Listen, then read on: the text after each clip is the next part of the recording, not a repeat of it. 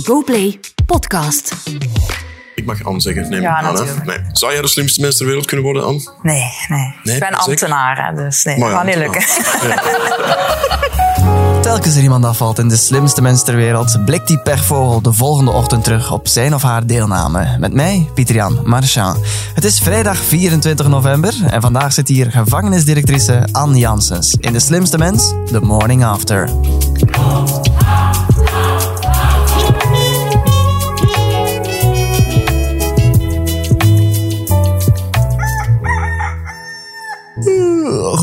Goedemorgen, Anne.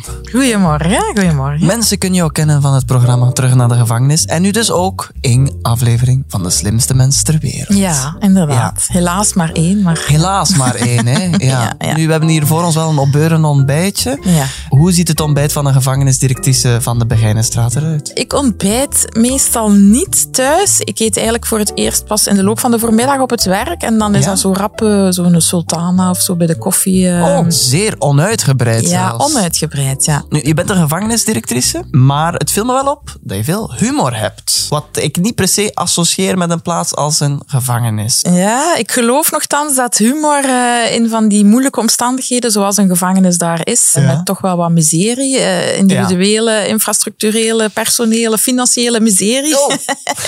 Veel miserie. Je kunt er maar beter Eh, mee lachen. Daar, voilà. Je kunt er maar beter mee lachen, want eh, anders Wordt valt het er wel helemaal... heel zwaar. Ja, inderdaad, Ja, ja. dat is niet de bedoeling. En ook niet van dit ontbijtje. Nu, ik kan me wel inbeelden dat je wel soms eens graag ontbijt. Uitgebreider, zo in het weekend of zo. In het weekend durven we dat wel eens doen. En al Ja. zeker omdat je voor een ontbijt niet echt moet koken, natuurlijk.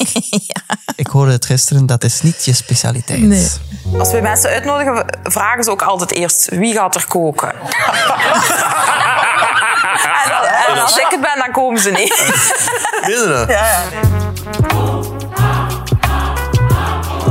zat gisteren naast eh, Charlotte Digerie en Jeroen Leenders. Mhm. Een tandem die het bijzonder goed doet. Hoe imponerend is het om zo naast twee kleppers plaats te nemen? Goh, ik was eigenlijk heel weinig bezig met anderen. Ik was vooral bezig met mezelf. Maar eh, goed, ik voel me wel slachtoffer van hun succes. Dat is wel, want het zijn twee supersterke Ja, kandidaten. inderdaad. Dus, en je hebt eh, dan een beetje de pech dat je tegen hen uitkomt. hè? Ja. Anderzijds besefte ik daarna ook wel van, als je zoiets erbij doet, hè, dus bij mijn voltijdse job, die toch wel redelijk druk is, het is eigenlijk toch wel tijd die je niet echt hebt. Dus Mhm. Ja. in dat opzicht was het dan misschien toch nog niet zo erg dat ik er na de eerste keer al uit lag. Al vond ik het heel spijtig, want ik, ik heb me echt wel heel goed geamuseerd. Ja. Ja. Jeroen liet zich sluw zakken in de finale gisteren. Een sterke Ja. speler. Hij heeft natuurlijk ook wel wat geluk gehad met mij. Dat stop zeggen is dus effectief een, een soort van reflex wat je doet. Ja. Hè? Eh, dus ik hoorde hier ook al veel andere kandidaten zeggen van de enige tip die echt belangrijk is, is van zeg niet te rap stop. Hè? Ja. Maar als je daar dan zit en je krijgt een vraag en je ziet die tijd wegtikken en je komt er niet direct op, dan is het dus echt een reflex om stop te zeggen. En enfin, Jeroen had een soort kalmte over Ja. zich die mij onbekend Ja. is. En hij heeft er natuurlijk goed van kunnen profiteren. En op dat gebied kon ik me wel voor de kop slaan. Erik heeft het trouwens ook gezegd van ja, als je nog een beetje langer had nagedacht, had het Ja, ook ja. wel geweten. Dat is ook zo. Ik weet natuurlijk dat Staf Koppes een presentator is. Hè. Maar goed, ja, dat is echt een reflex op die moment. Dat stop. En ja, en de ene keer dat je het gezegd hebt, is het natuurlijk te laat. Hè, ja. Nu, je had gisteren redelijk wat supporters mee. Eh, Twaalf mensen, eh, waaronder je man. En die leerde je ook kennen op het werk. Als je nu een man tegenkomt in de gevangenis, eh, geeft hij dan een knuffel of een kus? Of, of moet dat professioneel... Ja, ja, professioneel. Ah, nee, dus je mag daar niet mee praten eigenlijk. Ah, ja. Ja, praten wel, maar, eh, Maar niet, niet, over eh, het werk. En eh, enfin, trouwens, achter 25 jaar hadden er wel ver uitgeknuffeld, denk ik. Had je een knuffel nodig na je uitschakeling? Ja, eigenlijk misschien toch wel. Ja. Ik was toch echt wel een beetje verdrietig op die moment. Ja. Ja. Maar het grappige van die supporters is dat eigenlijk de bedoeling was dat er echt een zo goed als een hele bus cipiers zou meekomen. En ze gingen dat doen bij wijze van verrassing. Maar ja, via een of ander vogeltje is het me dan toch in mijn oren gefluisterd. Dus heb ik dan toch laten weten van, oh, ik zie het echt niet zitten van er zo een hele bus supporters. Dus dat is eigenlijk ook spijtig dat ik niet nog een andere aflevering had kunnen Ah, ja. meemaken. want Dan was ik wat meer op mijn gemak Want jij dacht, gewoon eentje om op te warmen en dan mag ik erin Voilà, komen. dat was het plan. Maar goed, kijk, het is niet en gelukt. 40 cipiers gingen... eh Ja, ja, blijkbaar waren er toch wel heel veel mensen Klinkt benieuwd om. het moment voor de gevangenen om dan eh, het op een lopen te gaan zetten. Ja, er gingen er wel nog een paar moeten ja. achterblijven natuurlijk. Ja. Maar goed, qua teambuilding had het wel kunnen tellen, maar helaas, ja, helaas. Nu, over je man. Jullie hebben elkaar 25 jaar geleden zoiets ongeveer Ja. Leren kennen in de gevangenis. Zo. Waren jullie toen beide cipiers? Toen was ik al directeur. Ja. Oh, en, eh, ja, ik ben daar begonnen als directeur en hij was toen cipier. Ja. Het klinkt als een romantisch verhaal. Iets om te verfilmen haast.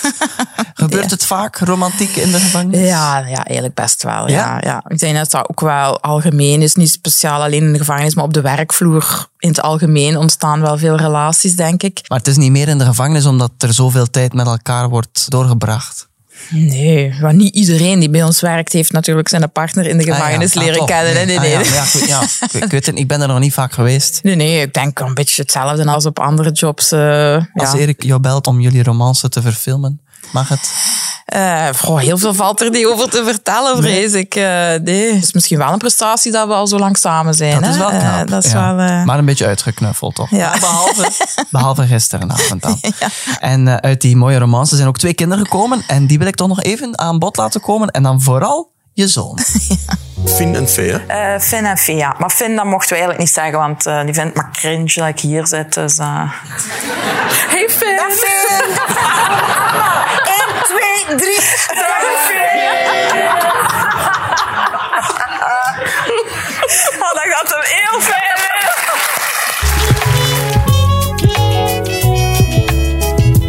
Dus bij deze ook van mijn twee groetjes aan Finn. Hoe reageerde hij op dit moment? Ja, ik heb er niet te veel over durven zeggen. Ik heb s'morgens wel gezegd dat zijn naam aan bod gekomen is. Dat was hem ja, opnieuw een beetje boos, omdat ik zijn naam had laten vallen. Maar met een beetje geluk vergeten we het ook eh, snel. Dus hij zal niet met trots eh, verkondigen op de speelplaats dat zijn mama... Ik vrees ervoor, ik vrees ervoor. Ja. Twee kindjes, maar het, het zijn geen accidentjes, hè? Nee, nee, nee. nee, ja, ik vraag het omdat die vraag ook gisteren werd gesteld aan eh, jurylid William Boeva. Ja. Waren jullie een accidentje, denken jullie? Ja, Erik, Maarten? deze is nooit de bedoeling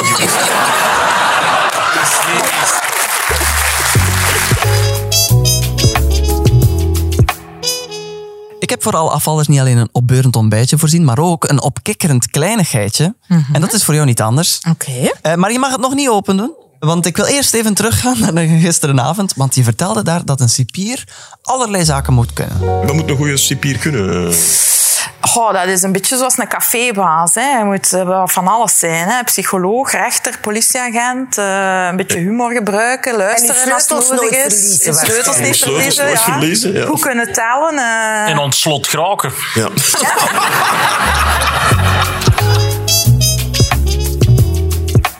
enig idee wat er in de doos zou kunnen zitten?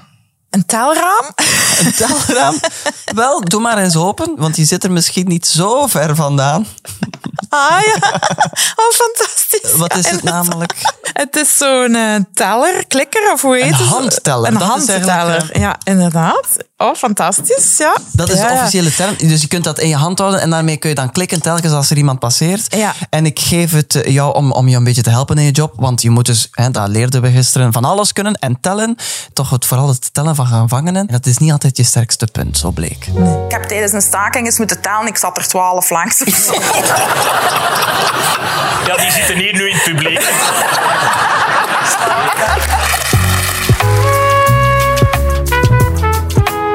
Je telt dus op cel, hè? want William zegt van moeten ze per twee in de, in de rij gaan staan. Dat is natuurlijk niet. Dus, dus je loopt heel de gang af en je kijkt eh, in elke cel binnen. Er zijn dus van die luikjes om binnen te kijken.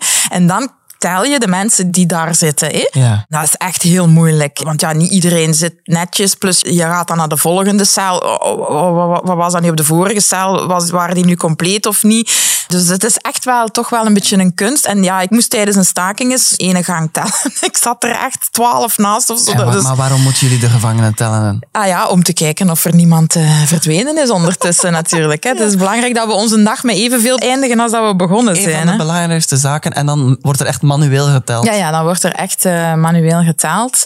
Normaal op cijfer. En als de telling niet klopt, moeten we ook echt op naam gaan tellen. Dus dan moeten Ja. we ook echt naam per naam gaan kijken. Maar dat gebeurt heel zelden. Maar het is niet gemakkelijk, dat tellen. Het is niet En je zit er twaalf naast, wat moet je dan doen? Ja, opnieuw beginnen. Hoe vaak heb je eigenlijk al ontsnappingspogingen dan meegemaakt? Als je zegt, we Ehm. moeten er liefst op het einde van de dag evenveel hebben. Of, eentje meer, dat mag nog. Maar eentje minder, dat is moeilijk. Ja, ik heb al een aantal ontsnappingen meegemaakt in Antwerpen, maar ook niet zoveel. Natuurlijk, de, de laatste is wel al een hele tijd geleden. De meest spectaculaire was eigenlijk vlak voor ik begon. Dus dat gaat ondertussen ook al hè, 25 jaar geleden. En dat waren echt nog vier gedetineerden die echt op de oldschool wijze via tralies en eh, Met- linten met- over met de muur, met veiltjes. Ja, ja, ja, maar dat is ondertussen meer dan 25 jaar geleden. Ja. Wordt dat ooit nog geprobeerd? Zo die heel klassieke manier van ontsnappen? Ja, ik ga hout vasthouden, maar in Antwerpen voorlopig niet. Nee, nee. Nee. Als het bij ons nog gebeurt, is het vooral het niet terugkomen. Hè. Dus mensen mogen soms ook voor één dag de Ah, ja. gevangenis verlaten. En wie dan s'avonds niet terugkomt, is ook ontvlucht natuurlijk. Maar goed, dat is dan eh, dat is een, een andere, is manier, Minder ja. spectaculair. Ja. Het is ook een misverstand dat iedereen heel de dag bezig is met het kunnen ontsnappen. Hè. Veel mensen hebben ook geen zin om te ontsnappen, want ja, dan word je geseind, de politie begint jou te zoeken, je kan nergens komen, je kan geen geld afhalen, je kan, geen, je kan niks doen, want ja, je weet Ja, dat je ja. voortdurend gezocht wordt. Dus er zijn maar weinig mensen die, die daar ook echt zin in hebben. Hoor. Ja. Wat is zo eigenlijk de dagdagelijkse bezigheid van een directeur van een gevangenis? Eh, Antwerpen is een arresthuis, dus wij hebben wel heel veel crisissen. Dat is in een strafhuis iets minder, omdat daar iedereen wel wat langer blijft. Dus ja, bij ons is dat ook heel veel crisismanagement, kijken wat het de, de dag weer brengt. Ja. Je moet ook heel vaak met het gebouw zelf bezig zijn, omdat het zo'n oud gebouw is. Dus er zijn heel veel mankementen. Dat vraagt ook wel veel van onze tijd. Ja, ja, en dan eh, ja, het contact met gedetineerden sowieso. Hè. Ja. Dus, ehm, En is dat dan een beetje zo als op school? Zo als iemand zich misdraagt, dat ze dan Ja. zeggen, ah, maar dan moet je naar de directeur, Ja, hoor. inderdaad. Eigenlijk komt het daarop neer. Ja, Ja. inderdaad. Iemand die zich misdraagt, er wordt een verslag over geschreven. Die verslagen komen bij de directeur. En als het erg genoeg is, ja, dan moet die gedetineerde op het appel komen. Dan krijgt hij tegen zijn voeten. Ben je een strenge directeur? Ja, ik denk het wel. Voor de gedetineerde altijd te streng. Hè? Voor anderen nooit streng genoeg. Hè? Maar ik probeer wel correct te zijn. Ja, Ja, want je vertelde dat je, als je soms een keer roept, dat dat wel een keer te horen is tot aan de wachtzaal. ja inderdaad. Wat maakt je dan zo het kwaad? Vooral zo het ontkennen van het zonlicht. Hè? Mensen die op heterdaad betrapt worden en dan toch nog willen zeggen dat zij het niet waren. Oh, daar word ik zo moe van. Hè? Ja.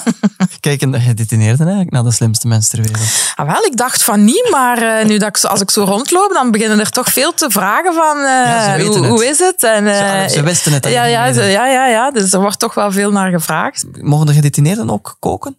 Ja, sinds eh, nog niet zo heel lang, eh, sinds kort hebben we ehm, kookvuurtjes. Dus dat is zo één inox eh, kookplaat die ze kunnen aankopen. Ja. En dan kunnen ze daar eh, op cel eh, een beetje mee kokerellen. Ja, Heel veel mogelijkheden hebben ze natuurlijk niet met één kookplaat. Maar ehm, ja, er zijn er toch bij die echt kunstwerkjes afleveren. Kijk eens, eh. hè. Ja, je hebt dus een aantal chef-koks. En over exacte maand, 24 december, dan zorgen die voor een feestelijk avondmaal. Dat vertelde je ook gisteren. Kerstmis in de gevangenis, hoe moet ik me dat voorstellen? Is dat speciaal? Speciaal eten Ja, of zo? ja, dat blijft natuurlijk eh, een beetje een tragische bedoeling. Maar Ja. ja. we geven dan wel wat eh, een feestmenu bijvoorbeeld. En, En wat is het dan, een kerstviering. Ehm, ja, dat is dan meestal zo een gebraad met veenbessensaus en kroketten. zo Oh, ja, heel traditioneel. Ja, oké. ja, ja. Er staat ook op mijn kaartje dat de puree wat specialer is dan. eh, Ja, meestal is het dan zo, eh, hoe heet dat zo, eh pomme duchesse of zo, of Oh, Oeh, pompiches. Ja, ja, Oh. oh, ik wil nu al naar de gevangenis. Het westje van de dag. De slimste mensen ter wereld blijft natuurlijk een kennisquiz. En ik wil je niet naar huis sturen zonder een beetje extra kennis over deze dag, 24 november. En daarvoor heb ik een eerste vraag. Eh, Ken je Theodore Robert Cowell? Kauwel. Nee? Je kent hem misschien onder zijn alias Ted Bundy. Ah, ja, Ja, die ken Ted ik wel. Ken Ja, je wel. ja. En het is een verjaardag vandaag. Oh, is het waar? Ja, kijk. Of dat zou toch geweest zijn als hij de doodstraf niet kreeg in eh, 1989.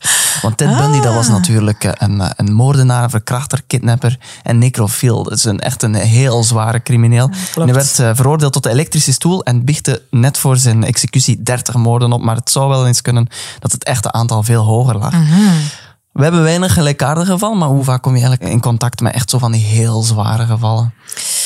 Ja, dat gebeurt wel. Maar het rare is dat die hele zware feiten in de gevangenis meestal de braafste zijn. Ja? Eh, dat gebeurt vaak dat mensen die buiten levensdelicten gepleegd hebben, dat zijn eigenlijk degenen waar we meestal redelijk weinig gedragsproblemen mee hebben in de gevangenis zelf dan. Dus het feit dat iemand gepleegd heeft waarvoor hij in de gevangenis eh, belandt, zegt niet rechtstreeks iets over hoe hij zich dan in de gevangenis gedraagt. Hoe zou dat komen? Mm, Ja, dat, dat weet ik eigenlijk niet. Misschien dat die hun lot meer aanvaarden, of, of omdat dat dan toch ja, mensen zijn die meer de doordachte eh, misdrijven plegen en niet zo het meer eh, de kleine criminaliteit, wat toch vaak heel vaak voorkomt uit een impulsiviteit. Ja, ja. Eh, dus dat zegt ook misschien wel iets over de persoonlijkheid van die mensen ehm, in het algemeen. Wel, die Bundy was het eh, prototype ook wel echt van een psychopaat. Hij was heel charmant. Klopt. Ja, klopt. Ja. Hij kon makkelijk het vertrouwen winnen van zijn slachtoffers, want hij, hij deed dan vaak bijvoorbeeld alsof hij verwond was, waardoor mensen hem kwamen helpen. Ja. En die overmeesterde hij dan om dan er eh, allerlei gruwelijke dingen mee te doen. Mhm. En bewaarde onder andere de hoofden van zijn slachtoffers soms als aandenken. Een opkikkerend wistje van de dag. ja. Nu kun je weer lekker eh, naar de gevangenis. Ja, nu kan ik me weer gelukkig prijzen dat ik geen Ted Bundy's in mijn gevangenis Ja, heb. voilà. En, eh, voilà. Zo heeft alles een positieve kant. Maar eh, nu je dat wist, je weet, zijn we gekomen aan het einde van dit opbeurende ontbijtje. Hoe kijk je terug op je slimste mensavontuur?